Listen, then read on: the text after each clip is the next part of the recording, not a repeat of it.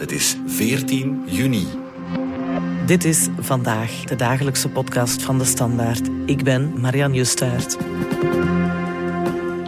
Filmpjes op TikTok of Instagram, berichten op Facebook. De moderne politicus weet al lang dat er andere manieren zijn om een publiek te bereiken dan een optreden in ter zake of een belangrijk interview in de Standaard. Bovendien ben je op TikTok een aanverwant aan je eigen regisseur en ben je niet afhankelijk van vervelende vragen van politieke journalisten om je boodschap te brengen. Hoe doorslaggevend zijn en worden die sociale media nu als het straks verkiezingen zijn?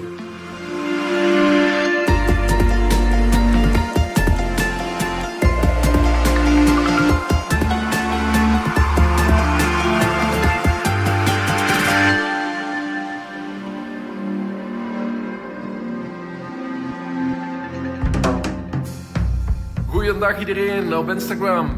Hallo. Hallo iedereen. Hallo. Bedankt voor de berichten van iedereen. Dag allemaal, ik wil je even spreken omdat ik mij gigantisch aan het innerveren ben. Voilà, we zijn gewoon live, vele miljoenen kijkers. Dit is het Vlaams parlement en ik sta hier buiten om deze TikTok op te nemen, want daarbinnen gaat dat niet meer. Ik heb geweldig nieuws. Ik ben hier vandaag met één heel duidelijke boodschap. Hoe de fuck kan een leerling excelleren als hij honger heeft in een klas? Soms geloof je toch niet wat je hoort? Non, ce n'est pas une opinion, c'est un délit. Even de batterij terug opladen, ik ga dat ook proberen.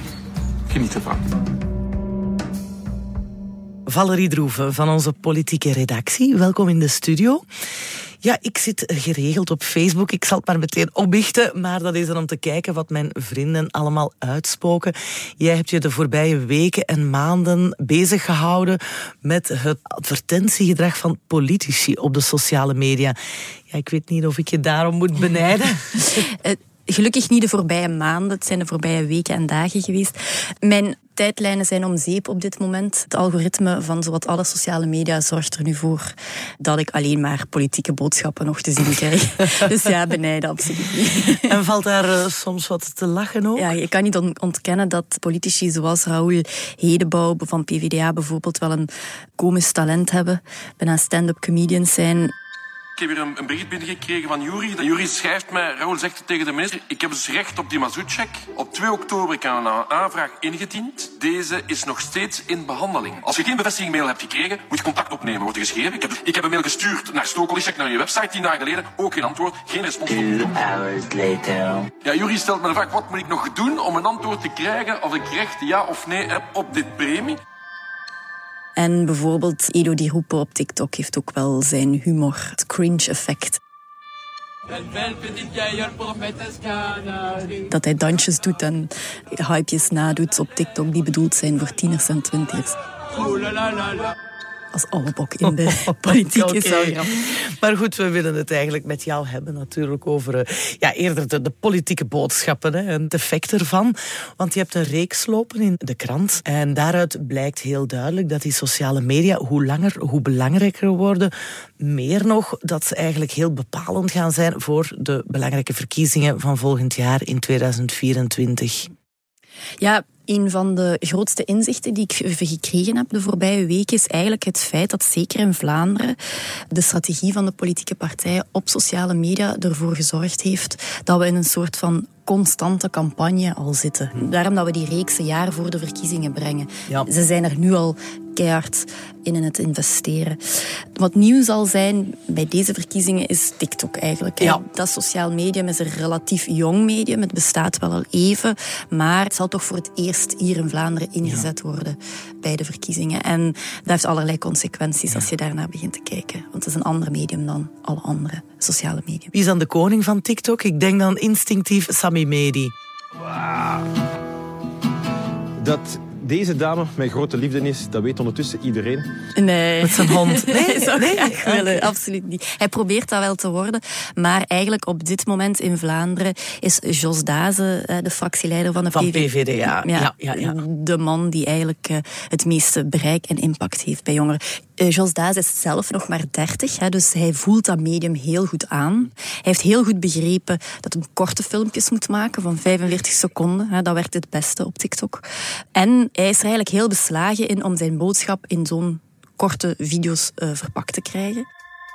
Hey, dikke merci voor al jullie berichtjes de laatste tijd. Fantastisch om te lezen. Ik zou jullie heel graag eens in het echt ontmoeten. En ik heb daar een kei goede gelegenheid voor. Uh, heeft er heel specifiek voor gekozen om alleen maar politieke boodschappen op zijn TikTok te zetten. Dus min, die roepen bijvoorbeeld, die ook erg populair is uh, op TikTok, zal meer ja, grappige boodschappen, mm -hmm. uh, minder de politieke, meer de persoonlijke dingetjes daarop zetten. Maar hij doet dat niet. Eigenlijk is zijn TikTok-account redelijk strak uh, geregisseerd.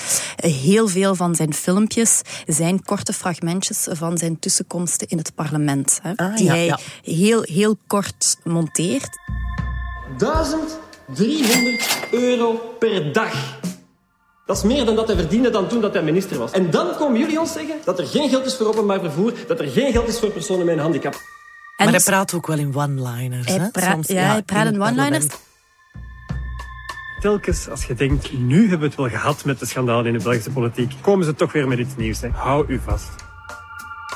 En wat hij ook doet, wat heel interessant is, is soms vernoemt hij in het parlement in zijn tussenkomst al een flart van een liedje bijvoorbeeld, dat hij er dan vervolgens op monteert. Mevrouw de minister, ik weet niet of u dat liedje kent. All we ever hear from you is bla bla bla. Ik krijg het niet uit mijn hoofd als ik u bezig hoor over uw klimaatbeleid, mevrouw de minister. Er stonden 30.000 mensen op straat opnieuw. Dus het is erom gedaan. Ja, maar je merkt dat... Ja. schrijft hij zijn tussenkomsten. Voilà. Bereidt hij voor met TikTok in het achterhoofd. Met TikTok ja, in het ja, achterhoofd. Hij heeft echt heel goed, vind ik, begrepen dat de jonge mensen, die first-time voters, die 18-jarigen, die 19-jarigen, 20-jarigen die nog nooit gestemd hebben, dat je die daar bij het nekvel moet grijpen. Want die luisteren of die kijken of die lezen veel minder de traditionele media nog nieuws en actualiteit komt hun wereld binnen via TikTok. TikTok. En is Daze dan een voorbeeld voor de andere politici op dat vlak? Ja, ik heb een beetje rondgebeld, want in de aanloop van mijn reeks heeft Sami Medi, de voorzitter van CDMV, iets heel bizar gedaan. Plots heeft hij een TikTok-filmpje gemaakt waarin hij ACID, de YouTuber, verdedigde. In de Reuzegomzaak, In de Reuzegomzaak, ja. Wat ik denk van heel die Reuzegom-affaire, is dat je een keer eens moet uitleggen hoe dat het komt dat er een heksenjacht wordt georganiseerd op ACID, terwijl hij eigenlijk niks anders doet dan wat de journalistiek iedere dag doet. Meer zelfs, vaak heb je gewoon al namen, foto's en bijna een horoscoop van iemand die nog niet eens schuldig is bevonden, terwijl in deze denk ik de schuld wel bewezen is. Dus uh, wat Sami Medi gedaan heeft, is een filmpje op TikTok gepost waarin hij Acid, die, een YouTuber, verdedigt. Ja, die bekende influencer. Hè? Ja, een bekende influencer, bekende YouTuber, die enkele weken geleden na de uitspraak in de zaak Reuzegom de namen van enkele leden van Reuzegom die al dan niet verantwoordelijk waren voor de dood uh, van Sandadia ja. genoemd heeft. Ja. Yo, YouTube, Ace hier. Welkom bij deze nieuwe video. Vandaag, speciale video, man. We gaan mensen exposen. Dat was zeer controversieel, omdat de media allemaal ervoor gekozen hadden om die namen niet te vernoemen. Ja, ja, ja. Just. En hij surfte daarmee natuurlijk mee op ja. het protest tegen de, tussen aanhalingstekens, al te lage straffen voor die jongens. Dat leeft maatschappelijk heel erg, dat idee, maar dat leeft ook heel erg op TikTok. Het feit, ja. dus Reuzegom en de jongeren zijn daar blijkbaar heel erg mee bezig geweest, dat die straffen te laag zijn, dat die namen niet genoemd worden. En daar doet Medi eigenlijk iets iets heel typisch wat werkt op TikTok. Iets wat Jos Daze ook zou doen, bij wijze van spreken. Want op TikTok is, zijn, is het aantal volgers dat je hebt veel minder belangrijk. Je filmpjes moeten viraal gaan. Omdat mm. je volgt veel minder iemand op TikTok. TikTok vertrekt van de For You-page. Waar dat eigenlijk het algoritme van TikTok beslist welke filmpjes jij te zien krijgt. Ah, ja, het is ja, minder ja. te maken met wie jij volgt, maar meer welke filmpjes kijk je uit, welke filmpjes swipe je weg, welke filmpjes like je, welke filmpjes sla je op en welke filmpjes gaan in jouw taalgebied viraal. Dus daarom is het belangrijk om vaak filmpjes te hebben die viraal gaan. Belangrijker dan de hoeveelheid volgers die je hebt. Nu, Jos Daze heeft er gigantisch veel, maar Medi die slaagde er tot nu toe nog niet echt in om viraal te gaan. En door mee op die reuzegom golf op TikTok hè, zich aan het voordoen was te gaan surfen, is hij met dit filmpje viraal gaan. Je ziet dat meteen aan zijn volgers. Hij had er maar 5000, hij heeft er ondertussen denk ik een 8000. Maar dat is minder belangrijk. Belangrijker is dat het algoritme van TikTok nu meer geneigd zal zijn om een volgend filmpje van hem weer te pushen. En als hij dit een paar keer voor heeft, hè, dan kan hem ook eventueel zo groot worden als Jossaze. Hij zit daar nog lang niet, is nog een dwergje op dit moment op TikTok. Ja, ik kreeg wel het verwijt aan uh, dat hij er heel populistisch uh, mee omging. En als ik jou zo hoor vertellen, dan lijkt het, ja, hij heeft echt met voorbedachte raden dat medium gekozen, die vorm van zijn film. Dat is een van de grote nadelen van TikTok. Je moet heel gebald kunnen zeggen wat dat je te zeggen hebt. En vaak ook extremere boodschappen, die doen het mm -hmm. beter polariserendere mm-hmm. boodschappen doen het beter. Voorlopig is er nog geen wetenschappelijk onderzoek genoeg gedaan naar hè, politieke communicatie en TikTok. We weten niet zeker of het polariserend werkt, maar je kan er niet omheen dat dit een medium is waar de extreme partijen beter doen dan de gematigde partijen. Want Vlaams Belang, waar we het nog niet over gehad hebben, zij doen het ook wel goed op TikTok. Niet zo goed als PvdA, maar zij hebben ook veel volgers. Zeker toen Dries van Langenhoven nog bij Vlaams Belang zat, die had heel vaak filmpjes die viraal gingen. In 2022, het, het filmpje wat het meest viraal gegaan is in België, was een filmpje van Dries van Langenhoven bijvoorbeeld. Dus Ah, ja, die extreme, radicale boodschappen vallen op. Dat wordt meer gedeeld, wordt meer, zit meer in dat algoritme mee. Inhoudelijk heb je wel een soort van risico. We gaan dat waarschijnlijk na de verkiezingen, gaan al die wetenschappers dat kunnen analyseren en gaan we kunnen vaststellen. Duidelijker Dat- zien. Maar Ja. nu al weten we dat die politici wel degelijk hun verhoopte doelgroep bereiken. Hè? Die first voters, laten we zeggen 18, 24-jarigen. Ja, want TikTok is echt het, allee, eh, het populairste in, in die leeftijdscategorie. Dat is zowel internationaal als hier in Vlaanderen hebben wetenschappelijke studies dat uitgewezen, dat dit echt het medium van de jongeren is. En daardoor zit het er dik in dat het het medium van de verkiezingen van, van 2024 zal worden. Wa- Want het is het medium dat nieuw is, waar het meest op ingezet zal worden, waar, waar de boodschappen het bepalendst zullen zijn. Dus het wordt echt wel heel belangrijk. Het laatste decennium zijn sociale media altijd wel bepalend geweest bij, bij verkiezingen. Het grote voorbeeld is Obama in 2012, denk ik. Hè. Daar werd van gezegd, hij heeft toen de verkiezingen gewonnen dankzij, Dankzij Facebook. Hij heeft toen Facebook ingezet, heel erg. Bij de vorige presidentsverkiezingen tussen Biden en eh, Trump zag je het belang van TikTok ook al groter worden.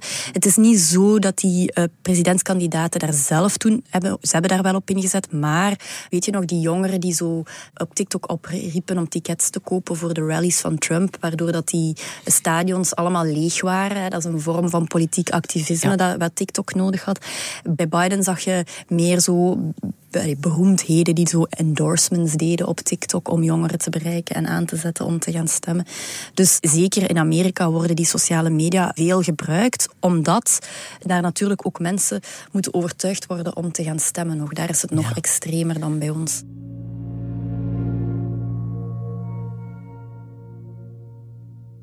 Ja, nu ben ik mij wel al de hele tijd aan het afvragen, Valerie, van was TikTok nu niet verboden op de gsm's van politici? Daar was toch wel wat om te doen? Ja, in maart inderdaad is er de beslissing genomen om op werktoestellen hè, Ja. van ministers en overheidspersoneel TikTok te verbieden. Ik merkte bijvoorbeeld op dat ook Petra de Sutter Ja. het redelijk goed doet op TikTok. En ik heb ook met haar woordvoerder daarover gebeld. En eh, die verzekerde mij, het is een aparte telefoon die niks met haar werktelefoon te maken heeft. En ze heeft ook iemand in dienst die die telefoon beheert en zo. Dus eh, ze houden zich wel aan de regels als ze erop gaan, maar ze zijn voorzichtig. Nu, er zijn er ook wel, zoals Vincent van Quickenborne bijvoorbeeld, die, die nadien gezegd hebben, die erop zaten en die nadien gezegd hebben, oké, ik eh, verwijder mijn account. Dat is ook de reden waarom heel wat partijen, denk ik, niet inzetten op TikTok. Omdat het toch zo'n een parfum van oeh, spionage en onveiligheid Ja. en anti-privacy dingen rondhangt. Het is dus niet zo onschuldig allemaal. Het is allemaal niet zo onschuldig, dat is waar. Maar privacy op sociale media, ik denk dat we na Cambridge Analytica hè, ook wel weten dat dat iets is waar we heel voorzichtig mee moeten zijn. ByteDance, het moederbedrijf van TikTok, is een Chinees bedrijf. Eh, Meta, het moederbedrijf van Facebook en Instagram, is een Amerikaans bedrijf. En je zou kunnen stellen dat dat een, laten we zeggen, bevriendere natie is dan de Chinese staat. We gaan er even uit voor reclame en daarna focussen we op Facebook.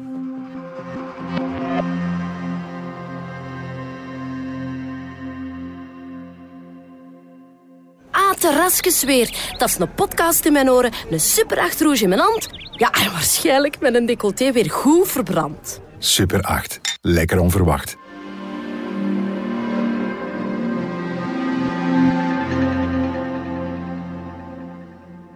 Valerie Droeven van onze politieke redactie. Ja, laten we het eens over Facebook hebben, al een paar keer vernoemd. Ja, ik las die bedragen van hoeveel de politieke partijen aan Facebook besteden. Dat is toch eigenlijk wel om van achterover te vallen. Ja, en het wordt ook bovendien altijd maar meer. Ik neem de cijfers er even bij, die ik via het burgercollectief Atlans heb gekregen. Zij baseren zich op cijfers die Meta, het moederbedrijf van Facebook, mhm. zelf publiceert.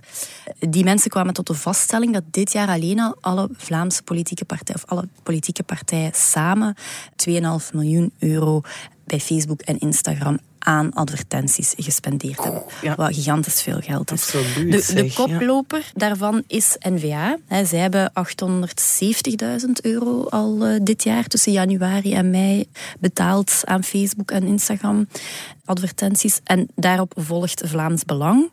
Zij hebben uh, iets meer dan 700.000 mhm. euro besteed daaraan. En op drie staat hier ook weer PvdA, die daar duidelijk ook op inzetten.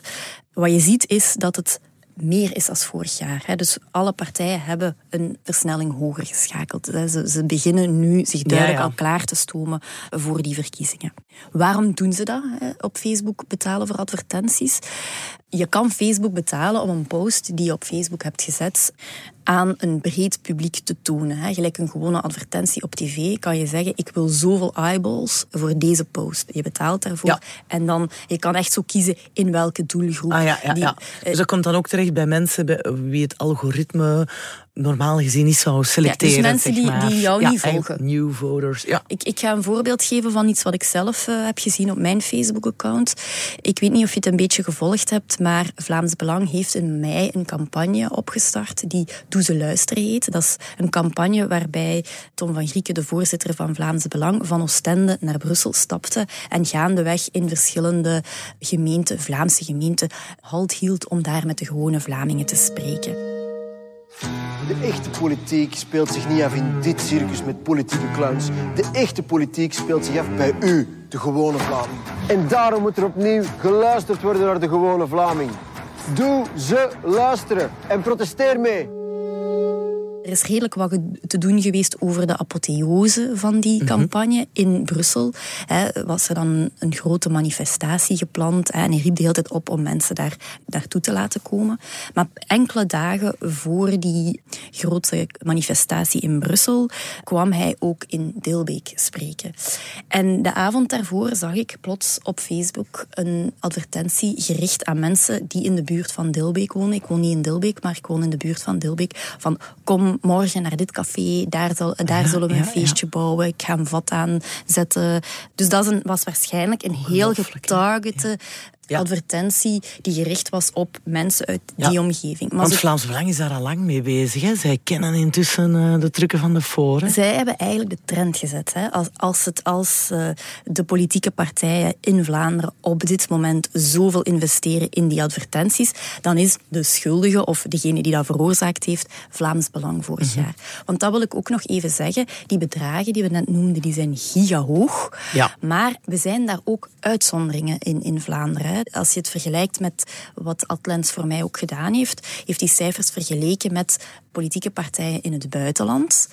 En dan blijkt dat dit bedragen zijn die zij continu mhm. besteden. Dat zijn bedragen die bijvoorbeeld Partido Popular in Spanje besteedt net voor de verkiezingen. Mhm. Het andere voorbeeld was AKP in Turkije, die ook ongeveer evenveel als NVA en Vlaamse Belang heeft besteed de voorbije maanden of het voorbije voorjaar. Maar ook daar waren er verkiezingen. Die bedragen zakken nadien weer, weer terug weg. bij, ons, is dat zijn, niet het bij geval. Ons is dat niet we hebben natuurlijk om de vier jaar ook verkiezingen. Dus daar is wel een belangrijke reden voor. Zoals ik daarnet zei, is Vlaams Belang de trendsetter geweest. In 2019 hebben zij 50% van hun budget dat zij tijdens de sperperiode, dus de maanden voor de verkiezingen, is er een soort van plafond van dat partijen mogen besteden aan advertenties. 50% eh, van dat budget hebben zij toen online besteed de andere helft van dat budget hebben zij offline aan advertenties en posters en dat soort dingen besteed.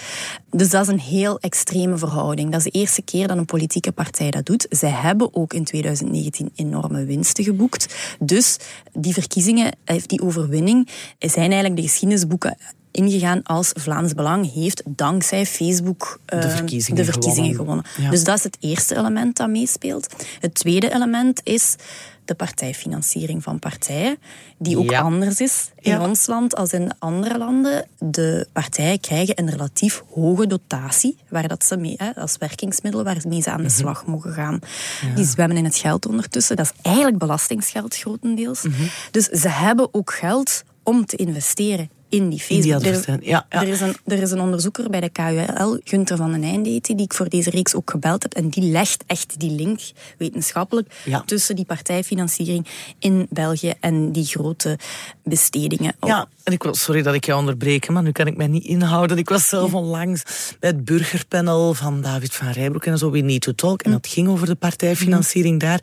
En daar was een zeer breed gedragen voorstel om niet alleen die partijfinanciering drastisch naar omlaag te halen, maar ook te gaan vastleggen waar het geld dat de partijen krijgen aan besteed mag worden. En in die zin was iedereen bijna voorstander van een plafond, op zijn minst een plafond, sommigen zeiden zelfs verbod, om het te besteden aan advertenties op sociale media. Net omdat die bedragen hier zo de spuigaten uitlopen absoluut, in vergelijking met buiten. Dat is absoluut een mogelijkheid. Als wij als belastingsbetaler vinden dat het, allez, dat het eigenlijk niet mooi is dat ons geld besteed wordt om onszelf te ja. targeten op sociale... Maar ligt dat op tafel? Gaat daar iets van komen?